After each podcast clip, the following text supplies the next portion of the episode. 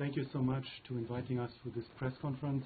Um, Turkish President Erdogan is accusing you to be the mastermind behind the coup d'etat, coup d'etat by the putsch against him. Uh, what is your reaction? Cumhurbaşkanı sizi bu darbe teşebbüsünün arkasında olmakla suçluyor. Ee, Buna cevabınız nedir? Hemen herkes aynı şeyi söyledi de ben 15 senedir buradayım. Buradaki çok insanları tanımıyorum. Benim öyle bir şey yapmam mümkün değil. Hayatım boyunca da hep darbelerin aleyhinde oldum. Çünkü darbelerden çok darbe yiyen ben oldum. 27 Mayıs'ta da, 12 Mart'ta da, 12 Eylül'de de, 28 Şubat'ta da 28 Şubat'ı müteakip burada bir hastaneye geldim ve sonra burada kala kaldım. Bu açıdan da 20 sene evvel şimdi demokrasi ve cumhuriyet diyen insanlar ben demokrasi ve cumhuriyetten dönüş olmaz dediğim zaman aynı medya aleyhte yazılar yazmıştı. 20 seneden beri hep aynı şeyi telaffuz ettim. Ben demokrasiyle, seçimle iktidarların rolü olması lazım. Darbelerle hayır gelmez. Kaba kuvvetle ülkeye bir şey kazandırılmaz. Mülazalarımı belki şimdiye kadar 50 defa ifade ettim. Fakirin bundan sonra 77 yaşından sonra öyle bir şey düşünmesi mümkün değil. Bir ikincisi o işe teşebbüs eden insanları hiç tanımıyorum. Bu açıdan da dün başka arkadaşlara arz ettiğim gibi uluslararası bir komisyon teşekkür ederek bu meseleyi daha derinlemesine bir araştırma yapmalarını ben arzu ederim. Bunu o fırsatı versinler. Şayet doğru çıkarsa o mesele, hatta yalan üzerine bile hükümlerini bina etseler, ben yine oradan çıkacak bu hükme gönül rızasıyla katılacağım. Fakat sadece bir kin ve bir garaz mülazasıyla böyle yapılan şeyler bunu kabul etmek mümkün değil. O 17 Aralık ve 25 Aralık esasen yapılan hırsızlıkları, yolsuzlukları, rüşvetleri, böyle donanma edinmeleri gün bir yönüyle gece kondudan çıktığı halde böyle saraylarda keyif sürmeleri meselesi bizim tarafımızdan değil. Bilmem Alman servisi yaptı, Amerika servisleri mi yaptı, Türkiye'de başkaları mı yaptı? O bile yine fakire seven, fakiri seven ve sempati duyan insanlara mal edilmek istendi. O günden itibaren de hareketin adı paralel kondu. Ve bu mesele de bir yönüyle işin tuzu biberi oldu. Türkçe'de atasözü, Türkçe atasözüdür bu. İşin tuzu biberi oldu. Evet. Öyle bir şeyi kabul etmek mümkün değil. Şimdi zaten çokları telaffuz ediyor. Böyle askeriyeyi de vesayet altına alma, askeriyenin içinde istemediği insanları atabilmek için aslında bazı kimseleri kendileri harekete geçirdiler. Veya bir kısım ulusalcılar belki onları harekete geçirdiler.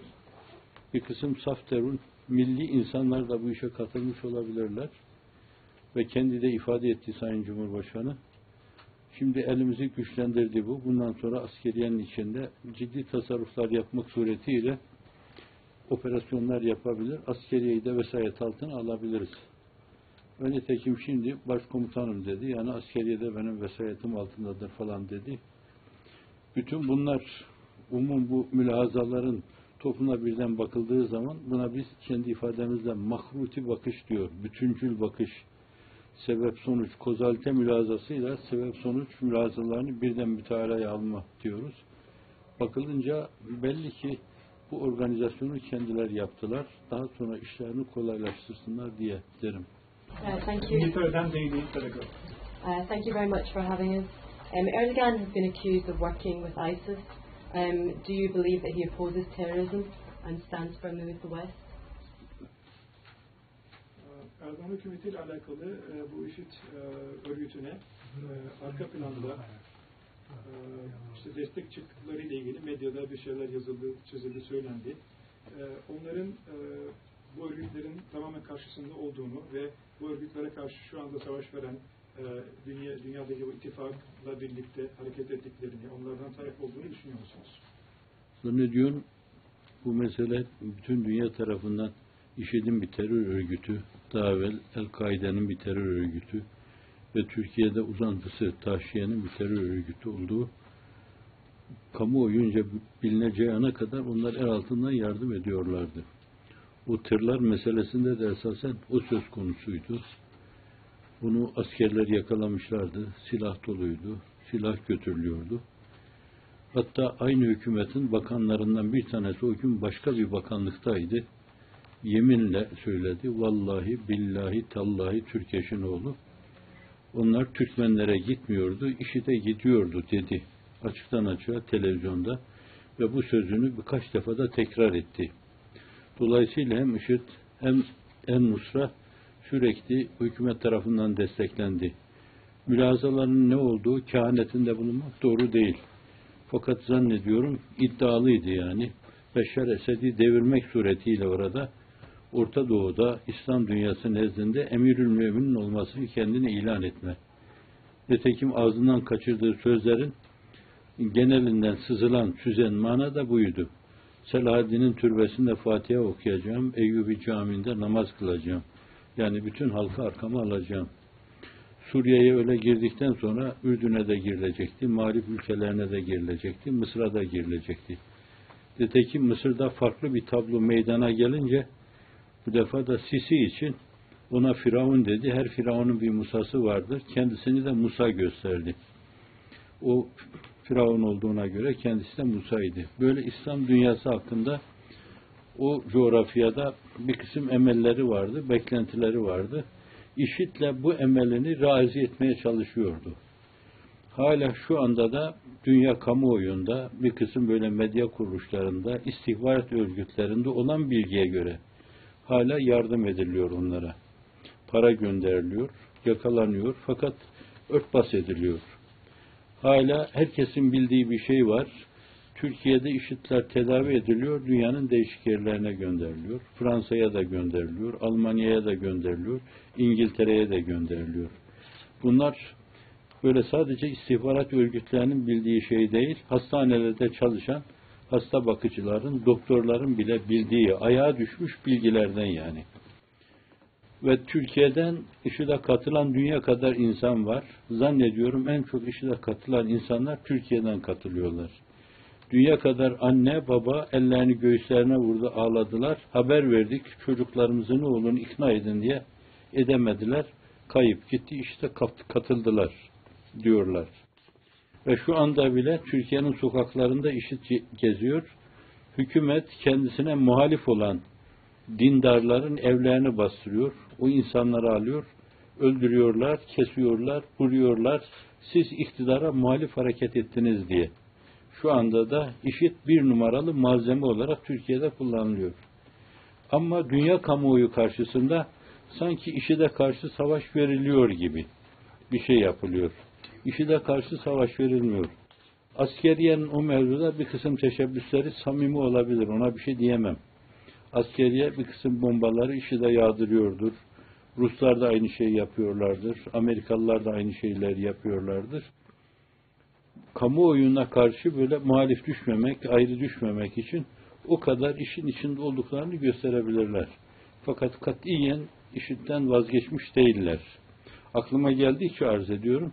Çünkü birkaç gün evvel kendilerine ait bir televizyon kanalında IŞİD'in müdafası yapıldı. Şimdi Suri olarak şekli o mevzuda bir yönüyle bir tahkikat başlatılmış gibi görülüyor. Ama şimdiye kadar hapishanelere girenler çıktılar, tahliye edildiler. Adliyeye gidenler tahliye edildiler. Yurt dışı yapıldılar. Yurt dışı yaptık bunları zararlı diye. Kendi vatandaşlarına yapmadılar aynı şeyleri. Şu anda bile sürüm sürüm ediyorlar, kan kusturuyorlar, ağızlarını gözlerini kırıyorlar, evleri basıyorlar, kapıları kırıyorlar. Fakat senelerden beri millete kan kusturan işit örgütü için aynı ölçüde bir kararlılık göstermiyorlar.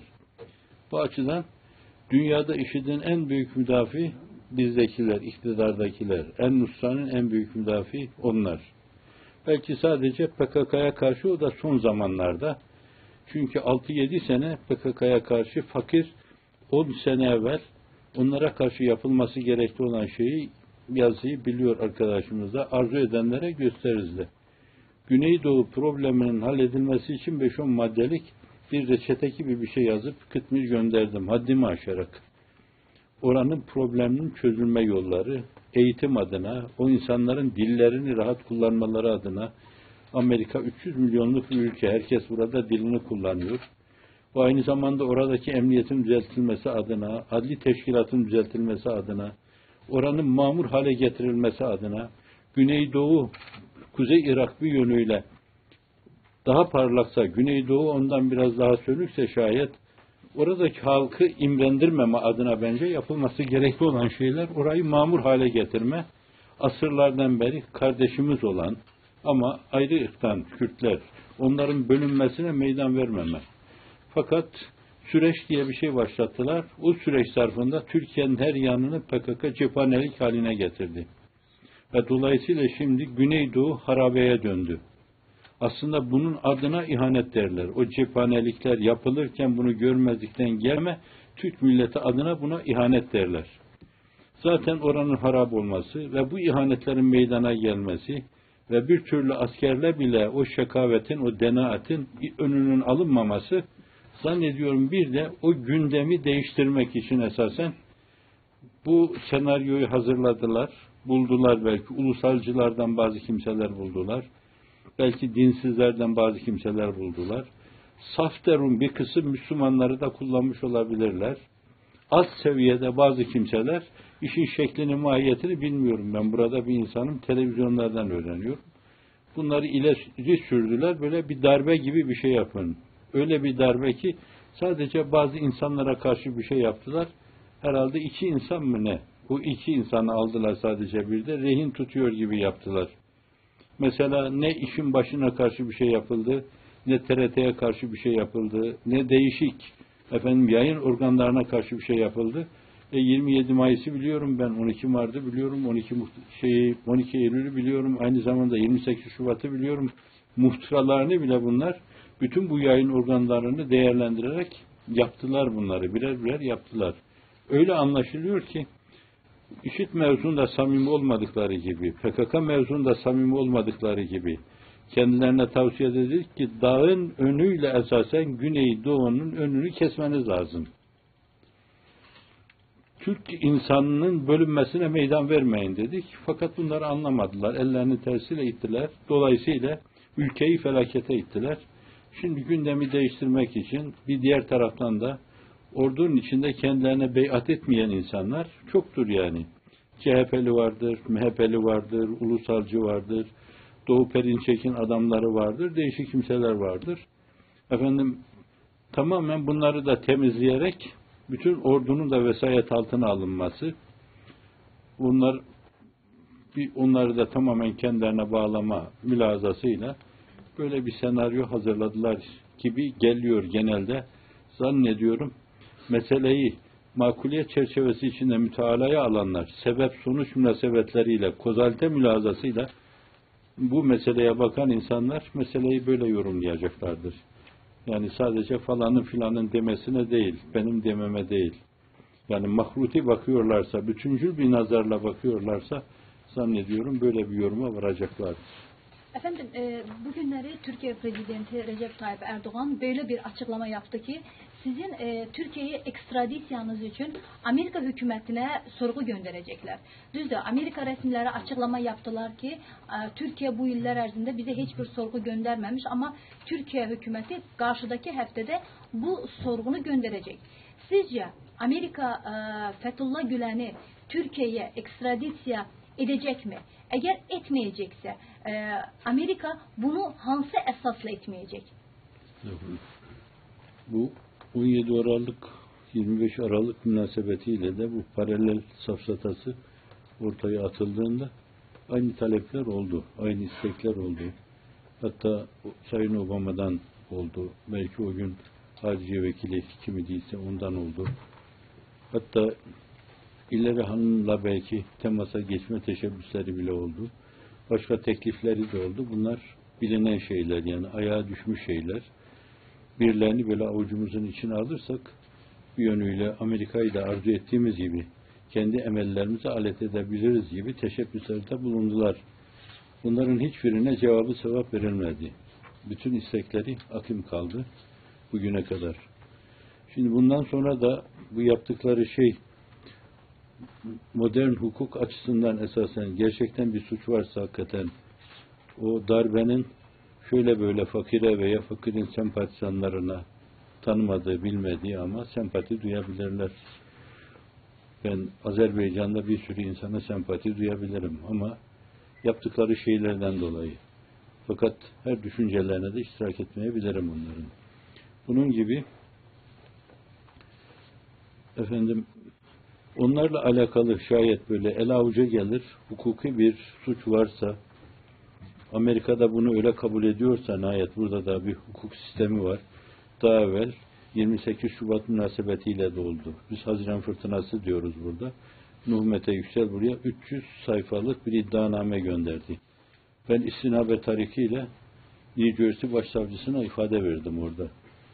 Bu ifadeler Türkiye'ye gitti. Türkiye'de mahkemelerde beraat verdiler. Yargıtay'da beraat kararını tasdik etti yani. Yine aynı iddialar olmuştu. Bunlar da o Nuh Mete'nin iddialarını yeniden aldılar. Kendi zaviyelerinden değerlendiriyorlar. Fakat Amerika öyle bir boşluğa düşeceğini ihtimal vermiyorum ben. Burada benim orada o savcı karşısında da daha başka yerde de gördüğüm adli sistemin çok normal işlemesi. Amerikan siz şusu var busu var diyebilirsiniz ama adli sistemin ve tıp sisteminin insani değerlere göre işlediğine şahit oldum. Çünkü ikisiyle de münasebetim oldu. Öyle bir oyuna geleceklerine dünya çapında süper bir güç itibarı kaybetmesine göz yumacağını ihtimal vermiyorum. Zannetmiyorum öyle bir şey yapacağını. Ama gerçekten biraz evvel dediğim gibi uluslararası bir heyet, bir komisyon bu meseleyi inceler. Hakikaten böyle bir şey varittir derlerse şayet Amerika'da bunun karşısında bir şey söyleyemezse hiç lüzum yok yani onların iade etmesine ben müşabine giderim orada. Evet. Sabah Eşref'in sözüyle bir şey dedim. Başa eğmeyiz edaniye, dünyayı dün için Allah'adır tevekkülümüz, itimadımız. Başkaları daha evvel böyle bir itizar dediler, bir özür dileme filan dediler. Özürü suç işlemiş olan diler esasen. Hırsızlığı yapan onlar, haramiliği yapan onlar, gece kondudan çıkıp beylikler yapan insanlar onlar. Benim yeryüzünde dikili bir taşım yok. Sırtımdaki bir çekitten başka da mamelekim yok. Teliften gelen bir gelirim vardı benim. Onu da kayyumlar tayin etmek suretiyle kitaplara el koydular. Onu da öyle yaptılar. Bu açıdan efendim ne dünyada sefa bulduk, ne ehlinden recamız var, ne Halik-i Muada'dan kimseye ricamız var. Bu da duymuşsanız Türk şairi Osmanlı döneminde Nefvi'nindir. Ne dünyada sefa bulduk, ne ehlinden recamız var, ne dergah-ı hudadan maadaya ilticamız var. Siz bu dili anlarsınız. Evet, bu açıdan öyle bir gitme yolu olunca ben kendim yine cebimde olan paramla binerim, oraya giderim. İdam kanunu çıkarırlarsa güle güle İFE'de giderim ben. Ama hiçbir zaman 50 defa her gün öldürseler, dirilseler zalimden özür dilemem. Evet. Çünkü Allah'ın huzuru var. Allah orada bana sorar. Niye zalimlerden özür diledin diye. Ben bütün benliğimle ona inanıyorum. Bir. ikincisi de dünya çapında insanla hizmet eden, humanist çizgide meseleleri götüren, bir sevgi, bir barış dünyası kurmak isteyen bir yönüyle sizin şöyle böyle ortaya koyduğunuz haddimin üstünde benim işim değil. Dünyanın 170 ülkesinde hakikaten kendilerini sevdirmiş, okullar kurmuş, bir dünya birliği ve beraberliğine doğru önemli adımlar atmış, arkadaşların hukukuna tecavüz etmiş olurum. Onlar 3-5 senedir o müesseseleri kapamaya çalışıyorlar. Dünya kadar para yağdırıyorlar oraya. İnsanları satın alıyorlar. Fakat yine de o işi yıkamadılar. Alternatifini de yapamadılar. Yunus Emre dernekleri kurdular. 5-10 tane işletemediler. Onu da işletemediler. Fakat ısrarla para verdiler. Bu okulları kapatın, okula açacağız. Karşı taraf siz okulları açın, biz sonra bunu kapatalım. Sözüne karşı cevabı sevap veremediler. Azerbaycan da bunu yaşamıştır. Açtılar mı kendileri bu okulları da? Bir üniversite açtılar mı? Azerbaycan'a bu mevzuda ilim, irfan adına bir katkıda bulundular mı? Her yeri de öyle görebilirsiniz. Fakat böyle kandırma, göz bağcılıkla bir şeyler yapmak suretiyle mübarek bir hareketi durdurmak istiyorlar. Neden? Kendiler yapamadılar. Bazen haset ve kıskançlık dediğimiz şey bir yönüyle küfrün ötesinde insana olumsuz şeyler yaptırtır. Vatana hiyanetin ötesinde insana olumsuz şeyler yaptırır. Böyle servet, debdebe, ihtişam, zenginlik, iktidar, inisiyatif, zehirleyici bir faktör olarak insanları zehirlediği zaman deli gibi hareket ederler. Evet, bu açıdan da öyle deli gibi hareket edenlere, zalimane davrananlara, insanlara merhamet etmeyenlere bence bu eğmek insanlığıma karşı saygısızlıktır. Bu işe gönül vermiş olan insanlara karşı saygısızlıktır. Ben meleği alaya inanıyorum. Semadaki mevcutlara inanıyorum. Onlara karşı saygısızlıktır. Bizi yaratan Allah'a karşı saygısızlıktır. Thank you very much. Uh, as we learned, uh, you have known President Erdogan for quite a while. Uh, you talked about madness, where if I got that right. How would you describe his character today? Ee, Sayın Cumhurbaşkanı'nın e, karakteriyle alakalı bir şey demek ister misiniz diyor. Az önce bu zehirlenmelerin delici hareketlere e, sonuç verdiğini söylediniz. Bu bir yönüyle kendilerinin dışında hemen herkesin ortak kanaati gibi başında sürekli birkaç tane tabip bulunuyor ve çok ilaç kullanıyor. Belli problemleri var. Yakınında bulunanların intikal ettirdiklerine göre bu muhteşem gibi görünen sarayında çok defa cinnet yaşıyor. Birkaç yerde de sarayı var. Bir kere halkın aşağı tabakasından gelmiş insanlarda kompleks olur aslında. Biz, bizde bir Türkçe atasözü vardır. Çingeneyi kral yapmışlar, babasını asmış, bir şey yapıyor görünmek için. Bu açıdan da dün gece konduda fakir bir muhitten gelen bir insan böyle bir debdebe ve ihtişama ulaşınca 5-10 tane gemileri olunca 5-10 yerde sarayı olunca ve ton ton paraları bulununca herkesi parayla peylediğine, peyleyip satın aldığına göre bu insanın, öyle bir insanın zehirlenmemesi çok zordur yani. Bu kuvvet zehirlenmesi meselesi 3-4 sene evvel bahis mevzu oldu. Bu levhada çıkan bir yazıya binaen bir gazeteci hemşire sorduydu bana. Ben de falanı filanı kastetmeden kuvvet zehirlenmesi ondan bir iki cümleyle bahsettim. Ve alemi nasıl bilirsin kendin gibi işte. Dolayısıyla üzerlerine aldılar yani o meseleden de rahatsız oldular. Veya tam numarası durumu kendilerine uygun düştüğü için rahatsızlık duydular o meseleden de. Öyle anlaşılıyor. Çevresi de biliyor, çevresi de bizar. Değişik kimseler de cesurca yazıyorlar. Birisi de çok defa yazıyor. Neydi yani? Fuat. Fuat Avni evet. O da çok defa yazıyor. Onu deşifre ediyor. Genel ruh durumunu, dengesizliğini, duvarları tekmelediğini filan yazıp duruyor. Böyle bir karakter, böyle bir karakterin yapmayacağı kötülük yoktur aslında. Bir de çevresinde Mabeyni Hümayun Osmanlılar derlerdi. Diğer hükümdarların etrafındakilerini Kur'an-ı Kerim'e göre mele demiş.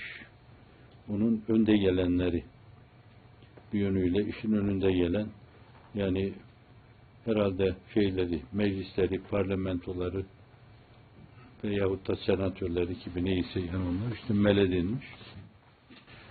Onlar da bu mevzuda böyle ikballe peylenmişlerse, istikballe peylenmişlerse ve bazılarının zaafları önlerine konarak peylenmişlerse bunlar da öyle. Bunun dışında siz çok iyi takdir edeceğiniz gibi çok defa insanlar bağışlayın sürü gibi hareket etmişlerdir.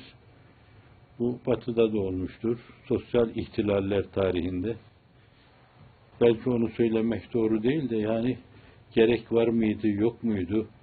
Bir Pierre Martin vasıtasıyla Haçlı Seferleri döneminde de kitleler böyle sürüklenmişlerdir. İslam dünyasında da olmuştur. Raşid halifelerin üç, dördüncüsü döneminde, üçüncüsünün yarısından sonra bir sürü muhalif insanlar çıkmışlardır, hariciler çıkmışlardır, haruriler çıkmışlardır. Hatta kendi yakınlarından Hazreti Ali'ye karşı çıkanlar olmuşlardır. Birileri böyle öne atılmış, bir kısım fevkalade eden şeyler söylemiş, çelmiş kafalarını, sürüklemiş onları arkalarından. Bu açıdan da her yerde her zaman bağışlayın, kusura bakmayın. Böyle sürü mahiyetinde yığınlar olabilir bunlar. Bunların diplomalarının olup olmaması da bir şey ifade etmez esasen. Mantıklarını kullanmayanlar esasen. Mahruti bakışı olmayanlar, dünyayı doğru okuyamayan insanlar her zaman birilerinin böyle cazip buldukları bir taraflarına kapılarak sürüklenebilirler.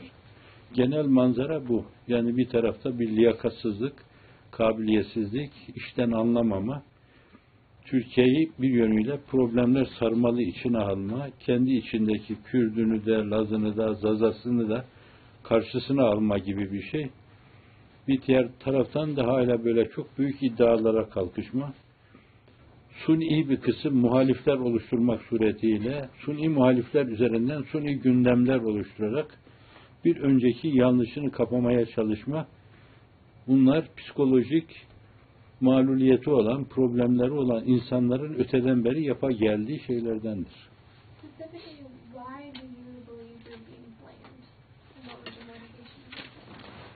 Neden suçlamak için sizi seçtiler? Niye sizi seçiyorlar suçlamak için? Suçlamak için mutlaka birisinin olması lazım. Herhalde suçlama açısından numara durumu tutan herhalde biz olduk. Bazı rahatsızlıkları var. Bir tanesi baş aşağı bir yere gideceği zaman çok ciddi bir mesele. Onu açıkça söyleyemeyeceğim. Terbiye müsait değil ona. Uygunsuz bir yere gidiyordu. Ailesine iha- ihanet şeyiyle daha hiç olmadan bir şey olmadan evvel. Ben komşusunu gece yarısı uyardım. Git dedim oraya gitmesin. Hiçbir şey olamaz. Önü kesilir dedim.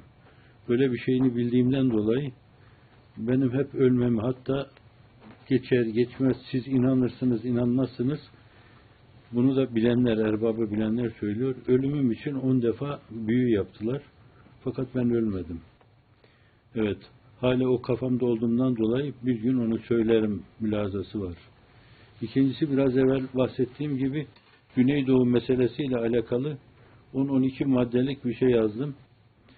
Fakat ondan sonra bir yönüyle o Güneydoğu'yu da hatta Türkiye'nin bazı yerlerinde süreç adı altında bir yönüyle milleti oyaladı. Oraları cephanelikler haline getirdi. Kendisi de itiraf ediyor bunu. Bir de öyle bir meseleden dolayı rahatsızlık duyuyor. Çünkü o meseleyi de ben biliyorum. Onu medyada söyledim ben. Yani Güneydoğu için 10 sene evvel fakir şöyle bir reçete arz ettim ben. Fakat kale almadı o meseleyi. Ülkenin yarısı bölündü, düşman hale geldi falan dedim. Bir de ondan dolayı rahatsızlık duyuyor. Bir de olmayacak belki bir şey rahatsızlığının sebeplerinden bir tanesi ehli hak. Siz inanırsınız, inanmazsınız yani. Rüya, rüyalara inanır mısınız? Evet. Birisi geldi dedi ki ben rüyamda gördüm. ine giriyordu bu birilerinin arkasından ve ine girince de goril oluyordu. Ben de mektupla yazdım. Not ettirdiğim arkadaş da yanımda burada. Dedim ki onların arkasından gitme, felakete sürükleniyorsun sen. Allah'ın rızası yok. Bir de öyle bir meseleden dolayı ciddi alındı. Bazı kusurlarını, yanlışlarını yüzüne karşı söylemeden dolayı ille de bağışlayın bir günah keçisi lazımsa şayet o da Kıtmir'i seçti. Kıtmir'in ne manaya geldiğini siz bilirsiniz. Given the accelerating crackdown on the members of your movement whose companies are being seized, who are being thrown out of universities, whose newspapers are being um, shut down, and uh, possibly even worse, what do you advise the members of your movement in Turkey to do? Do you advise them to to resist, to succumb, to get out? What is uh, how, are, how is the movement handling this? How are you going to Şimdiye kadar e, hizmet katılıcılarının şahıslarına ve kurumlarına çok değişik taarruzlar yapıldı Türkiye'de ve bundan sonra da bunlar devam edeceği, belki şiddetleneceğe benziyor. E, onlara bu taarruzlara karşı tavsiyeniz nedir? Nasıl e, buna karşı nasıl durmalarını onları tavsiye ediyorsunuz? Onlara mı, iktidara mı? Yok siz şey, e, sempatizanlara, hizmet katılımcılarına. Çoğunu tanımam ben yani. Ortaya konan projenin makul, insanlık yararını olduğunu düşünerek herkes bir şey yapmış. Bazıları geldi bana belki sordular. Bu da yüzde birdir, yüzde ikidir. Yani ben ne yapayım? Bir Kur'an kursu mu açayım? Bir tane cami mi yapayım? Bütün dünya biliyor. Ben bir eğitim müessesesi açın. Her şey netice itibariyle ilme bağlıdır. Değişik yerlerde insanlığın problemlerinin başında cehalet gelir, tefrika, ayrıştırma gelir ve aynı zamanda fakirlik gelir. Bunların hepsinin çaresi de zannediyorum eğitimden geçer. Eğitimli insanlarla dünyanın problemleri giderilir. Bu açında cami yerine, belki Kur'an kursu yerine, başka imam hatip yerine mektepler açın. Aynı zamanda bu cehalet problemini gidermeye çalışın. Onunla inşallah fakirlik problemi de gider. Onunla insanlığı barıştırırsınız yani. Aynı çatı altında her anlayışlı olan insan eğitim görünce bir kardeşlik ruhu teessüs eder. Yani, yani mülazalarım bu oldu. Ve bu mülazalara inanan insanlar hem yurt içinde hem de yurt dışında daha 92'li yıllardan bu yana, 91-92'li yıllardan bu yana böyle arkadaşlar açılımlar yaptılar. Benimki cami kürsülerinden teşvikli oldu, konferanslarda teşvikli oldu. Belki değişik mecmualarda yazdığım yazılarda, makalelerdeki teşvikli oldu. Bu açıdan da sempati duyan, size inanan insanlar gitti yaptılar bunu. Ve o işte de zannediyorum o meselenin ruhuna da vardılar yani. O işin yararlı olduğuna inandılar. Dünya barışı adına, humanizm adına, hakikaten insanlığın birbiriyle kucaklaşması adına yararlı olduğuna inandılar. O işten döneceklerine ihtimal vermiyorum. Bir ikincisi bu baskınlar, bağışlayın, vahşice yapılan baskınlar. Filmlerde belki herkes görmüştür. Yani başka yerlerde böyle vahşiyane bazı müesseseleri, bazı yuvaları, bazı evleri basan insanlar olmuşlardır. O türde o emniyet teşkilatının veya dolayısıyla adliyenin öyle vahşice baskılarına karşı hiçbir arkadaşın, o sempatizanın, o müesseselerin içinde bulunan insanların olumsuz bir tavrı olmadı. Sesini bile yükseltmedi. Katiyen bir provokasyona girmedi. Allah'ın izni inayetiyle. Bir tane böyle bir hadise varsa şayet göstersinler onları. Böyle bir hadise olmadı. Bu açıdan da benim onlara diyeceğim bir şey yoktur zannediyorum. Allah'a inanmış, yaptığı her şeyin hesabını ona vereceği inanmış ve yaptığı hizmetin isabetli olduğuna inanmış, insan yararını olduğuna, insanlık yararını olduğuna inanmış insanlar zannediyorum bu o yoldan dönüp de öyle o türlü tersliklere bir kısım terörist hadiselere karışmalarına imkan yok. Did you ask for political asylum in the US? And if not, would you? First question, and then a very personal one. What kind of personality are you that uh, Mr. Erdogan apparently fears you? İki parçalı soru. Birincisi Amerika'dan e, iltica talebinde bulundunuz mu veya bulunmayı düşünüyor musunuz? E, ikincisi de e, sizin e, şahsiyetinizle alakalı hangi yön Erdoğan'ı bu kadar e, irite ediyor diye ikinci parçasını onu soruyor. Estağfurullah. İltica talebinde bulunmadım ben. Buraya geldikten sonra green card için müracaatımız oldu. Onda belki biraz tereddüt yaşandı. Fakat bir avukat vardı arada. Bir 7-8 sene evvel zannediyorum. Bir green card çıktı verdiler. Green card'la oturuyorum. Öyle bir mülazam olmadı iltica. Green card olunca zaten zannediyorum bir, bir ilticaya da gerek yok. Ve onların celbetmesi için başka gitmeme adına başka yollar, yöntemler varsa onları da düşünmedim. Aklımdan geçmedi yani. Öyle bir mesele aklımdan geçmedi. İkincisi, biraz evvel de acizden arz etmiştim. Böyle yapamadıkları bazı şeyleri size sempati duyanlar yaptıklarından dolayı hazmedemediler bunu. Dünya çapında 5-10 tane Yunus Emre Derneği açtılar. Bunu da başarıyla götüremediler. Bir gün sözde size sempati duyan insanlar ister Orta Asya'da, isterse Orta Doğu'da, isterse Uzak Doğu'da, isterse Avrupa'da ve 170 küsür ülkede okullar açtılar. Ve sonra aynı zamanda bu kültür festivalleri oldu. Türkiye'de oluyordu önce. Bu bir iki senedir yasak ettiklerinden dolayı geçen sene 20 küsür yerde oldu. Bu senede 30 küsür ülkede her ülkede bir iki üç yerde olduğuna göre sanki 90 yerde olduğu gibi bir şey oldu. Türkiye'de yasak ettiler. Halkın bu kadar alaka göstermesi, bu meselenin bu kadar iştihar etmesi, dünyanın bu meseleye karşı böyle sempati göstermesi ve kendilerinin de problemler sarmalı içinde böyle her gün kendi dünyalarını daraltmaları karşısında zannediyorum bunalıma girdiler. Esasen şu anda yaşadıkları o bulan, bunalımın hezeyanı.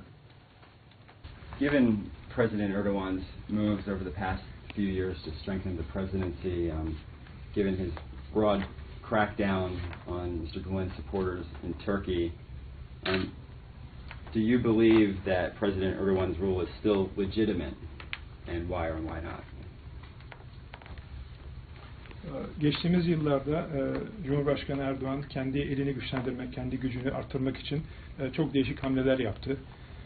E, Ve aynı zamanda da hizmet hareketine karşı bir e, cadı avı yaptı.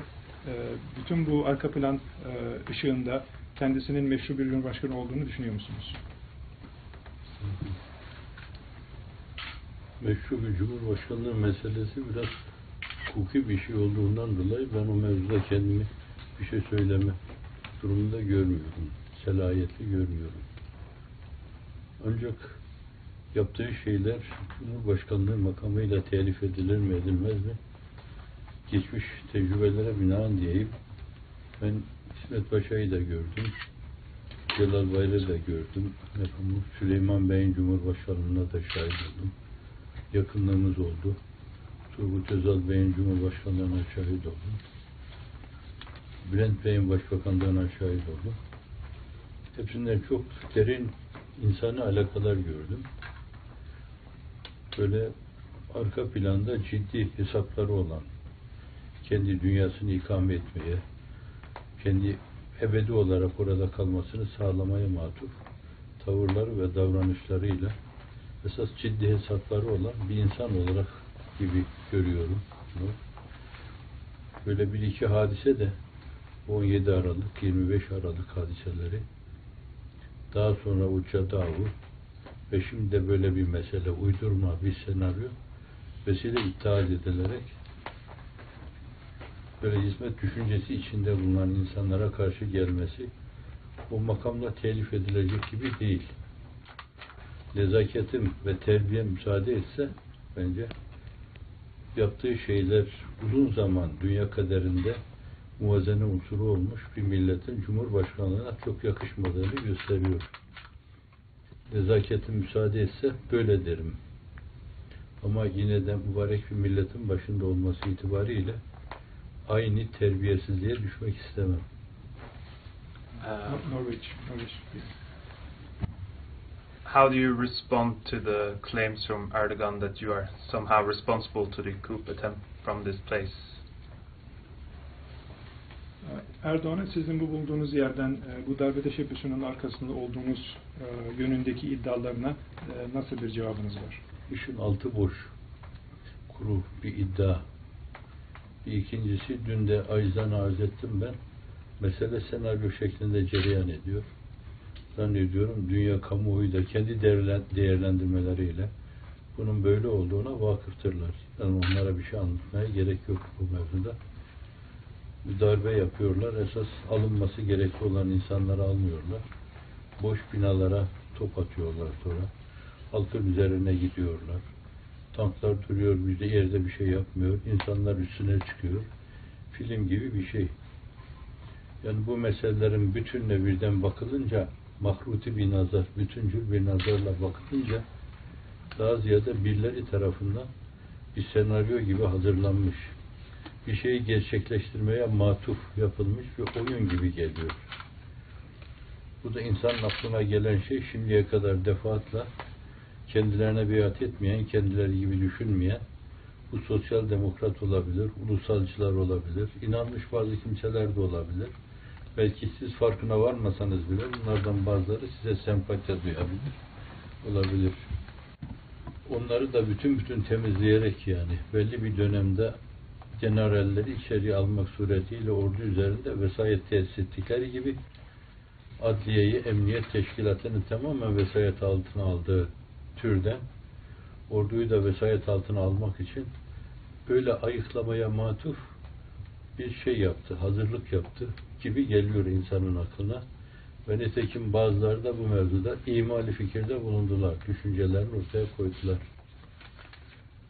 Dediler ki çok darbeye benzemiyor yani. 27 Mayıs darbesini bilenler, 12 Mart'ı bilenler, 12 Eylül bilenler, 28 Şubat muhtırasını bilenler devlete karşı böyle bir tavır askeriye mantığıyla telif edilir gibi değil. Böyle anlaşılıyor ki yani ya ona yakın birileri tarafından bazıları böyle harekete geçirildi. Ta şimdiye kadar elini uzatamadığı, ayıklama yapamadığı, temizleyemediği, vesayet altına alamadığı müesseseye de girsin, onu da emniyete benzetsin, adi teşkilata benzetsin. Nitekim hadise olur olmaz zannediyorum öyle söyleniyor. Birkaç bin insanı hemen yerlerini değiştirdi. Oldukları yerlerden başka yerlere sürdüler. Ve gelecekte aynı şeyleri ordu içinde de yapmayı düşünüyorlarsa aynı şeyleri yaparlarsa bir yönüyle bunun bir senaryo olduğu artık kamu nazarında açıkça ortaya çıkar. Bir şey söylemeye gerek yok yani. Benim vereceğim cevabın kıymeti olmayabilir. Ama meselelere bütüncül bir nazarla bakan insanlar eskilerin ifadesiyle bize müstetfatü terakip dediğimiz sözün başını sonuyla beraber müşterek mütalaa edenler cümlelerin hepsinden akan manaları bir araya getirerek değerlendirenler bunun böyle olduğunu anlarlar. From Japanese paper, papers. So, uh, some news reports that uh, Turkey has detained 6,000 people in this morning. Could you have some comment about it? Hocam bu sabah 6000 kişi galiba e, e, tutuklanmış mı, gözaltına alınmış? Onun haberiniz oldu mu acaba? Zannediyorum söylediler arkadaşlar. Kendisi dün öyle bir emir vermişti esasen. Kapıları kırın, insanları alın.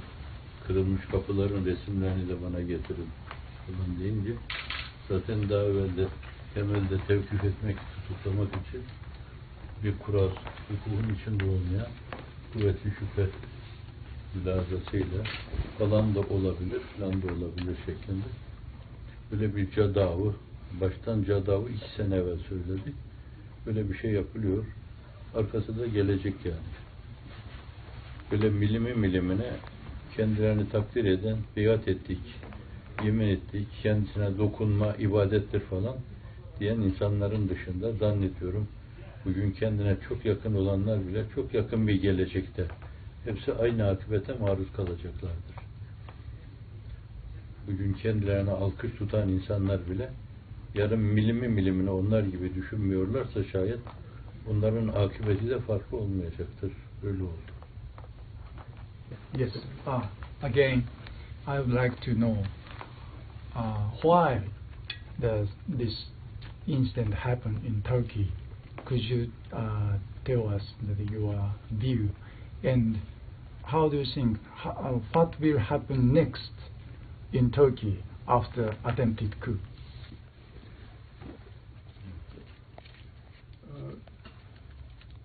Sizce bu hadise, bu olay e, neden oldu ve bunun sonrasında e, olacak olan e, sonraki adımlar konusunda beklentiniz nedir? Bu adımlar zannediyorum atılmaya başlamıştır şu anda. Eğer bazılarının dediği gibi bazı siyasiler de Türkiye'de bu bir senaryoydu. Ama kimlerle senarize edildi?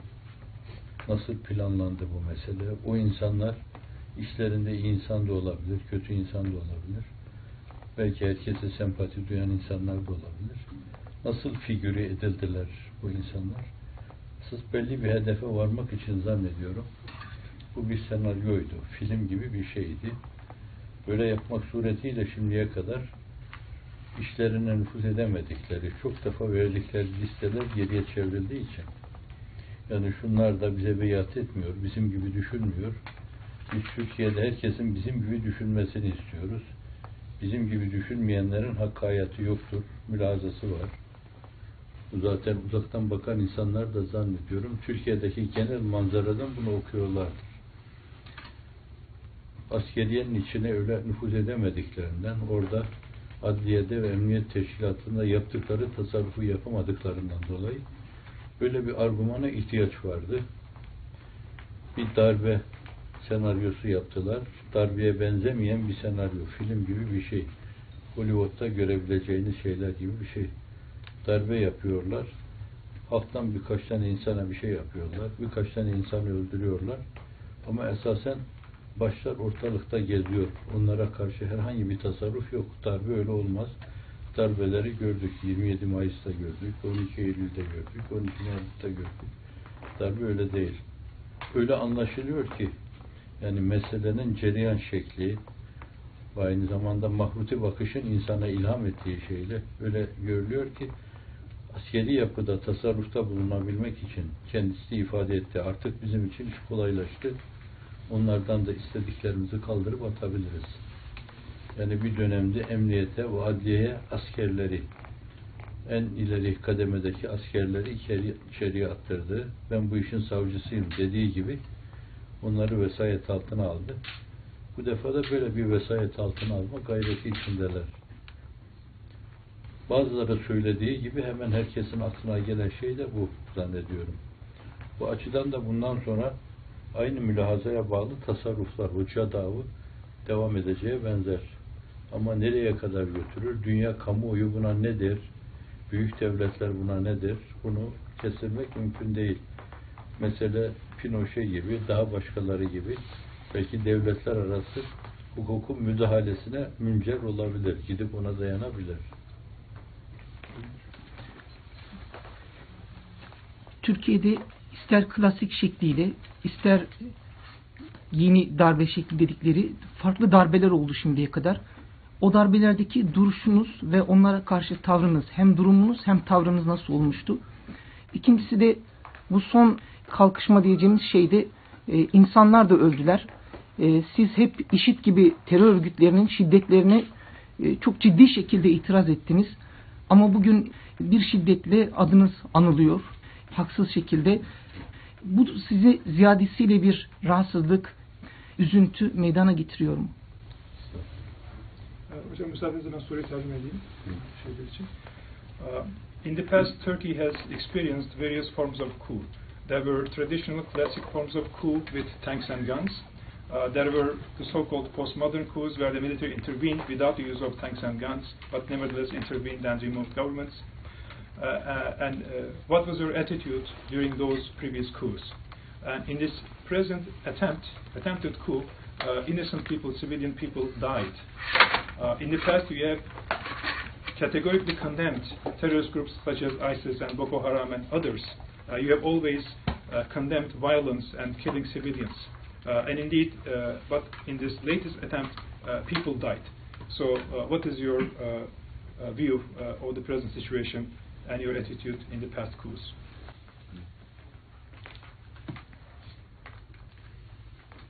Fakir değişik darbeler gördüm yani. Cumhuriyet'in ilk yıllarını bilmiyorum da bu da bir yönüyle farklı bir şeydi. Ama bir istiklal kazanımına dayalı bir şeydi. Onun devam ve temadisi için bir kısım baskılar oluyordu. Fakat 27 Mayıs'ı aşağı yukarı 20 yaşındaydım ben. 20-22 yaşındaydım. Edirne'de bulunuyordum. Onu yaşadım. O dönemde de tazik gördüm. Belki de öyle küçükten başlayarak büyüye gelirken ben de o taziklere yavaş yavaş alıştım yani. Ondan sonraki 12 Mart sadece işte 6-7 ay kadar içeriye aldılar. Askeri cezaevinde kaldık. 3 sene kadar mahkemeler sürdü. Bu da biraz törpüledi bir yönüyle. O da biraz alıştırdı. Daha ağırına alıştırdı. 12 Eylül'de 6 sene kadar ben dolaştım. Kaçtım gibi bir şey oldu. Turgut Özal başbakan olduğumda ayağını böyle sağlam yere bastı bir dönemde.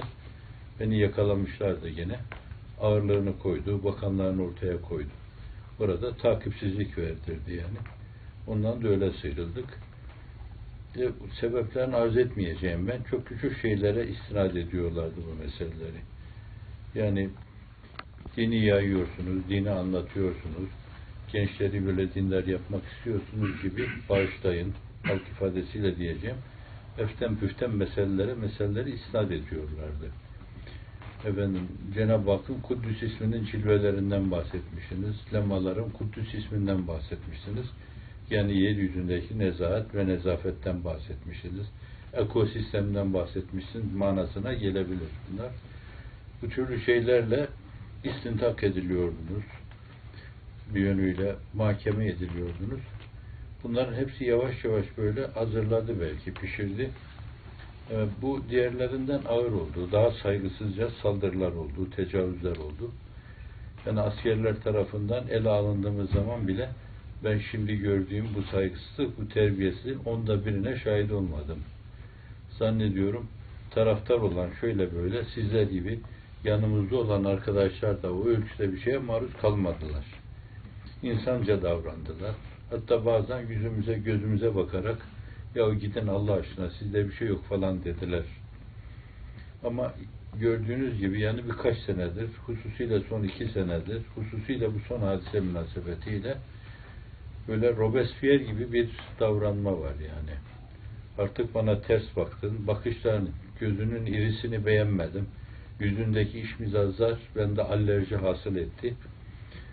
Çıkardığın ses kulaklarımda benim aksi bir şey meydana getiriyor gibi böyle mülazalara bağlı, kuvveti şüphe gibi mülazalara bağlı böyle tazik üstüne tazik. Fakat o günden bugüne yani 27 Mayıs'tan bugüne adeta Cenab-ı Hak rehabilite ede ede bu mevzuda alıştırdı yani katlanıyoruz. Bir meselenin bu yanı var. Bir ikincisi Hz. Musa'nın çektiklerine bakılınca kendi kavminden hem de yani. Peygamberimizin çektiklerine, Seyyidine Hazreti Mesih'in çektiklerine, Hazreti Musa'nın çektiklerine, Hazreti İbrahim ateşe atılıyor çektiklerine bakılınca böyle doğru yolda olan insanlar hep devirlerindeki tiranlar tarafından bu türlü şeylere maruz kalmışlardır. Herhalde Buda da bir ağacın altında böyle inziva yapması, halveti gibi bir şey yapması bu da o türden bir şeydi. İbni Beşiş'in, İbni Meşiş'in öyle bir şey yapması o türden bir şeydi. Brahman'ın belli taziklere maruz kalması herhalde o türden bir şeydi.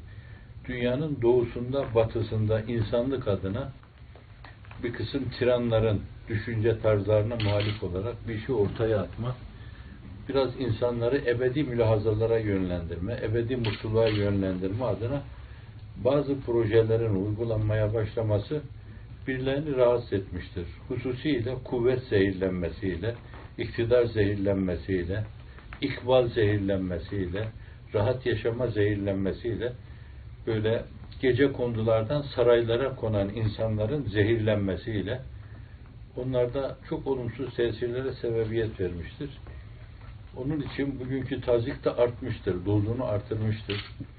Ama Allah'a hamdolsun Cenab-ı Hak o günden bugüne alıştıra alıştıra buna da katlanma imkanı verdi.